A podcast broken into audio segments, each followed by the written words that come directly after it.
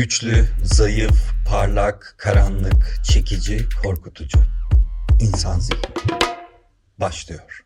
Merhaba, Merhaba İnsan Zihnine hoş geldiniz. Bugünkü konuğum Can Algül. Zaman zaman dövüştüğümüz, zaman zaman seviştiğimiz önemli bir girişimci. Artık girişimci mi demek lazım Can sana yoksa seviyor musun bu lafı? Abi girişimci çok dediğin gibi jenerikleşti ya. Startupçı da çok şey oluyor. Başka türlü kötü. Sen nasıl istiyorsan öyle yürü. Şöyle diyebilirim. Aslında olmayan bir sektörü var ettiniz gibi geliyor. Bir, biraz anlatsana ne yaptığınızı. Biz Pavino'da biranın internetini kuruyoruz. Yani yaptığımız iş 100 sene önce nasıl telgraftan telefona dönerken dünya o bütün altyapı vesaire değişti ve insanların çok büyük bir kısmının da bunun elzem olduğuna dair bir fikri yoktu. Yaptığımız iş bu. Biranın internetini kurmak. Bu bağlamda tüm paydaşları bir araya getirmek, altyapıları uçtan uca değiştirmek. Günün sonunda ne oluyor? Günün sonunda iyi bira içiyoruz. Yüz milyonlarca litre suyu dünyaya kazandırıyoruz. Her şey uçtan uca görülebilir, izlenebilir hale geliyor. Peki sizin hero ürününüz bir e, akıllı bira musluğu. Ne yapıyor, neyi sağlıyor çok kısaca? Bar sahiplerine %20 daha karlı bir operasyon yaratıyor. Bira markalarına tüm süreçlerini uçtan uca mükemmel yönetebilmesini sağlıyor. İşte tüketiciye de iyi bira içmesini. Yani işte sıcak, gazı kaçmış vesaire bira içmekten alıkoyuyor. En hijyenik şekilde birayı servis ediyor aslında tüketiciye. Peki Can, ilk sorum şu. Senin için yaratıcılık nedir? Yaratıcılık bir baş kaldırıdır ve bir baş kaldırı ancak saçlarından tutulur. Burada şeyin altını çizmekte fayda var. Çok büyük bir yaygın bir yanlış anlaşılma var. Yaratıcılık yoktan var etmektir. Değil. E, Michael Porter'ın inovasyona dair çok sevdiğim bir tanımı var. Var olan iki şey arasında var olmayan bir bağ kurmak. Yani Pabinno'yu baz alacaksak bira vardı, internet vardı. Biranın interneti yoktu. Dolayısıyla yaratıcılık bir başkaldırıdır diyorum. Yaratıcılığın temelinde mi başkaldırı vardır senin için yoksa yaratıcı sürecin tümü aslında bir başkaldırının türevleri midir? Böyle mi bakmak gerekir bu sürece? Yani temelinde olduğu kesin. Sürecin de çok büyük bir kısmında olması gerektiğini düşünüyorum. Peki Can, sence iyi bir fikir yaratıcılığın neresindedir ve tek başına kıymetli midir? Kıymetlidir ama yeterli değildir. Esas olan eylemdir. Yani hiçbir fikir, hiçbir algoritma, hayatın hakikatiyle buluşmadıkça, insanları, kitleleri arkasına almadıkça tesirli olamaz. Bu Kişlovski'nin 10 emir üzerine Polonya televizyonuna çektiği bir seri vardı, Dekologlar. Onun birinci bölümü mesela bana direkt bunu anımsatıyor işte muhteşem bir matematikçi büyük algoritmalar yapıyor ama işte kendi yaptığı algoritmayla yanlış hesap yaptığından dolayı çocuğunu kaybediyor gibi. Pabino senin ilk iyi fikrin değildi. Hatta çok önce bir e, dijital bar fikrin vardı. Bu mesela çok iyi bir fikirdi ama olmadı. Neydi sence eksik? Bütün koşulları bir kenara bırakarak soruyorum. Eğer kendine bir paye bitecek olsaydın bu ne olurdu? Ya o hatırlıyorsan sen benim düş ortaklarımdan birisin. Yani e, bütün üniversite zamanımız boyunca çok fikirsel temalı sohbetlerle hep aslında hayal kurardık. Her şeyin temeli hayal kurmak. Dolayısıyla fikrin de temelinde hayal kurmak yatıyor. Ya hayal kurmak için de herhalde biraz görmek gerekiyor. Görmek, rahatsız olmak, bakmak, konfor alanından çıkmak. Hayal oysa hani bize hep şöyle daha pes pembe bir şey olarak yerleştirilir ya. Türkçe'de daha öyle bir tınısı vardır. Aslında hayal bir konforsuzluğun sonunda ortaya çıkar. Ve onun içindeyken, hayalin içindeyken yürüdüğün yol seni bir fikre, oradan da bir girişim gerçekler bütününe götürebilir. Yani bir konforsuzluk içinden hayal kurarak çıkış yolu aramak için önce o konforsuzluğu kabul etmek gerekiyor. Bu gerçekliğe erişmek için senin yaptığın bir şey var mı? E öyle şey mi olur diyebilmek gerekiyor. Net. ee, peki Can, bütün bu yolculukta yani bütün bu hayal kurma ve yaratıcı düşünceyi ortaya çıkarma, o konforsuz konforsuzlukla yüzleşme anında aklın ve içgüdülerin payı nedir senin için? Şöyle söyleyeyim. Geçenlerde bir podcast'te Can Algül kimdir diye sordular. Ona verdiğim cevapla cevaplayayım aslında bunu. Can Algül her şeyin başında bir İstanbullu. Sur içinde büyümüş. Boğaz içinde serpilmiş. Beyoğlu'nun sokaklarında demlenmiş. Bununla birlikte akılla kurgulanıp kalple ilerletilen işlere inanan, mücadeleyi her şeyin üstünde tutan, eylemi esas kılan, San Francisco'dan Tel Aviv'e dünya barlarında raks eden bir seyyah. Yani akılla kurgulanıp kalple ilerletilen işler, mücadele her şeyin üstünde esas olan eylem. Böyle bakıyorum içgüdü akıl dengesine. Business'la, işle, öğrencilik hayatımda herhangi bir münasebetim yoktu.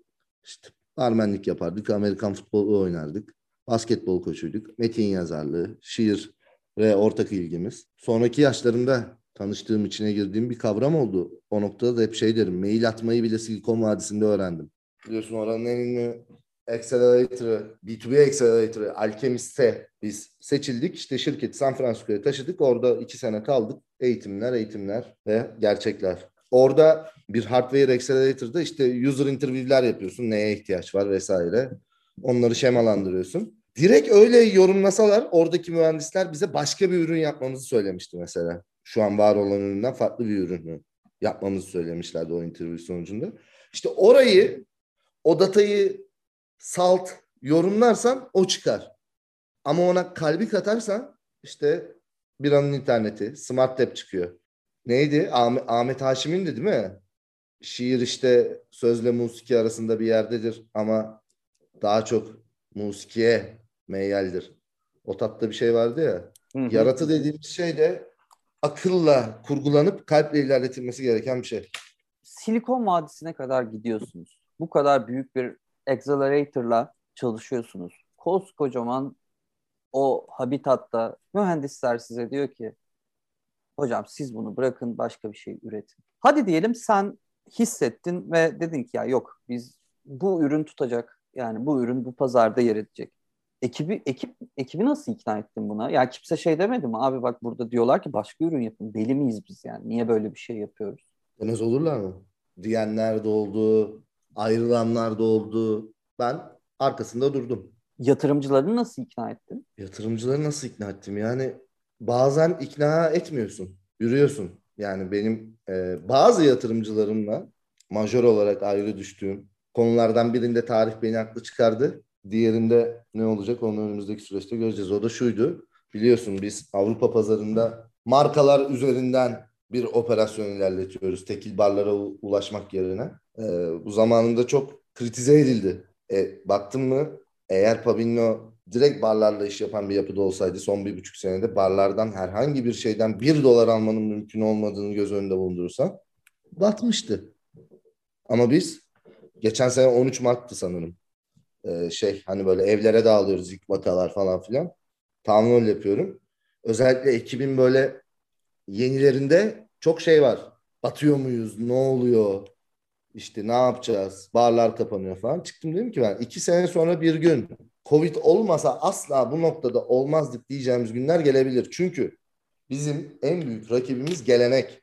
İşte gelenek 50 litrelik fıçıdan 120 tane 50 siyerlik çıkardığını iddia eden bar sahibi. Başıma iş çıkartmayın diyen beyaz yakalı gibi gibi. Ama tüm geleneği kasıp kavuran bir dalga var.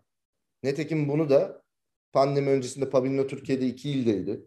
7 ile çıktı pandemi esnasında. Kuzey Amerika operasyonlarını başlattı.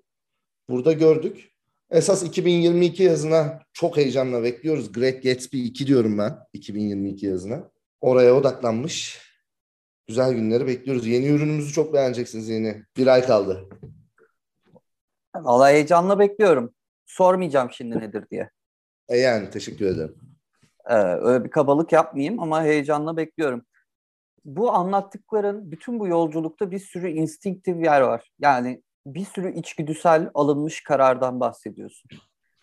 Duygusal çıkışlarla insanları ikna edebilmek ya da e, çok rasyonel şeyleri çok duygusal ifade ederek aslında e, belki de bilinçli bir şekilde yaptığın kritik dönüşümlerden bahsediyorsun. Sence bütün bu yaratıcı operasyonu yürütmek, o yaratıcı fikri hayata geçirmek ve daha da geride o yaratıcı fikri bulmak. Sence bunun sanat tarafı mı daha güçlü yoksa zanaat tarafı mı Can? Sanat mı, zanaat mı? Evet. Yani C ikisi de çırağı olmayana usta denir mi? Ustası olmayana çırak denir mi? Hani sanatın evrenselliği, yıkıcılığı, devrimciliği, Sanatın ustalığı, bilgeliği et tırnaktan ayrılmaz. Peki. Bunu, bunun yüzde yüz bir formülü yok zihni. İşte o Ahmet Haşim güzel demiş. İkisiyle ikisinin arasındadır ama musikiye meyyaldir. Sese, tınıya diyor şiir. Yani yüzde 62 şuradadır, yüzde 38 buradadır diye anlatabileceğim bir şey değil işte. O hayatın içinde aldığın pozisyonlara göre anlamını ve yerini bulan bir durum. Ama gereken cevap C ikisi de akılla kurgulanıp kalple ilerletilen. Sanat zanaatte de yani birinde inanılmaz bir işte dataların göremediğini görme hali var sanatta. Zanaatte de o sebat, o bilgelik, o demlenmişlik, o ne yaptığını bilmenin getirdiği vakurluk. Bence bu, bu bölümün tümünden insanların kendi hayatına alabileceği kocaman bir şey var ya. Çünkü çok değiştim seni, çok zorladım ama e, şundan hiçbir zaman vazgeçmedim bu söyleşi boyunca herhangi bir cevabında. Aslında bir denge meselesi. İçgüdü ve akıl, sanat ve zanaat, işte başlangıç ve süreç. Bunların hepsi hayatta do- anı doğru okuyup, odayı doğru okuyup, doğru anda doğru pozisyon almakla alakalı. Ve kendi içinde de bir dengede olmakla alakalı diye anlıyorum. Odamda bir tane resim var benim zihnim. Dengeyi anlatan, benim kendimce dengeyi, her baktığımda dengeyi görmek adına koyduğum bir fotoğraf. Ee, hayatın en sihirli kelimesi. Denge. Ve en zoru. Nefis. ikinci bölümümüzün ilk sorusu şu. Can, sence tembellik suç mudur? Değildir. Ama ahmaklıktır. Asalaklığa kadar da yolu vardır. Bunu Lafarge'ın tembellik hakkını başucu kitabı yapmış zamanında 20'li yaşlarının başında biyosuna becerebilseydik hepimiz aylak olurduk. Yazmış bir kişi olarak söylüyorum. Ee, ya bu şu demek değil. Şu an Silikon Vadisi'nde dayatılan o haftada 100 saat, 110 saat çalışma, mekanik, biyonik kültür kutsama halinden bahsetmiyorum. Çok basit. Akan su temizlenir, duran su kirlenir. Bunun ortası neresi Can? Bu ideal tembellik ölçütü diye bir şey olsa sence bu ne olurdu ya? Ya tembelliğin herhangi bir ideali olamaz. O yüzden ölçüsü de olamaz. Dediğim gibi akan su temizlenir, duran su kirlenir. Kişinin en başta kendisi için bir ışıl ışıllığa kavuşması için bir şeyler yapması gerekir diye düşünüyorum. İkinci soruma geçiyorum. Aptallıkla nasıl baş ederiz Can? Mümkün mü bu? Of of çok sert. Yok sayarak herhalde. Hani şey var ya Foucault hapishanenin doğuşunda işte eğer mümkün olsaydı en büyük ceza, en ağır hapis şey olurdu. Suçluya ceza e, suç işlemişe işte kimse sorularına cevap vermeyecek, kimse onu kale almayacak, sokakta selam vermeyecek. Böyle bir yok sayma hali, bir izolasyon hali. En büyük hapis cezası bu olurdu diyor Foucault. Aptallara da lazım gelen davranış budur herhalde. O zaman Zor iş. aptallığı aptallığı savuşturacak kadar akıllı olmak zorundayız diyorsun. Aynen. Bunu kullanacağım. Eyvallah. Peki o zaman sıradaki sorum şu Can. Utanmaz olmak sence bir süper güç mü yoksa lanet mi? Süper güç mü lanet mi? Yani bir süper güçe evet diyebilirim ama burada böyle dahilikle delilik arasındaki kadar ince bir çizgi var. Yani e, bu sizi re- reddedilme, onaylanma kaygısından arındırıp persona non, non grata olmayı göze alıp eyleme, yaratıya yönlendiriyorsa müthiştir. Hatta bu bağlamda şey diyebiliriz. Dünya utanmazların omzunda, dünya tarihi utanmazların omzunda yükselerek süre gelmiştir diyebiliriz.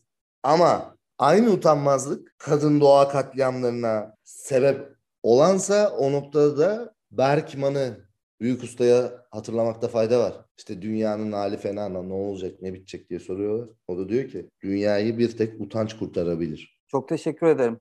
Şahane cevap oldu. Bugün böyle geriye doğru bakıyoruz. Dünyanın her yerinde işte 40 yıl öncesine baktığımızda bugün aklımızın almayacağı şeyler de var. Diyoruz ki ya nasıl yapmışlar kardeşim yani böyle de yaşanır mıymış böyle de olur muymuş falan. Sence 40 yıl sonra bugüne bakanlar ne diyecekler? Aa insanlar o zamanlar et mi yiyormuş? Başka iki örnek daha verebilir misin? Sonra bunların üzerine konuşmak isterim.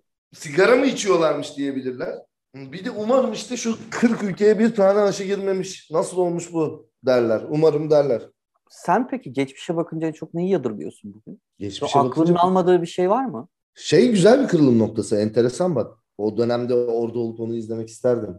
O tarım devrimiyle mülkiyete geçiş vesaire orada nasıl bir tartışmalar oldu. O kurallar nasıl kondu. Orası değişik ama böyle aklımın hafsalamın almadığı bir olay şu an anımsayamadım zihni.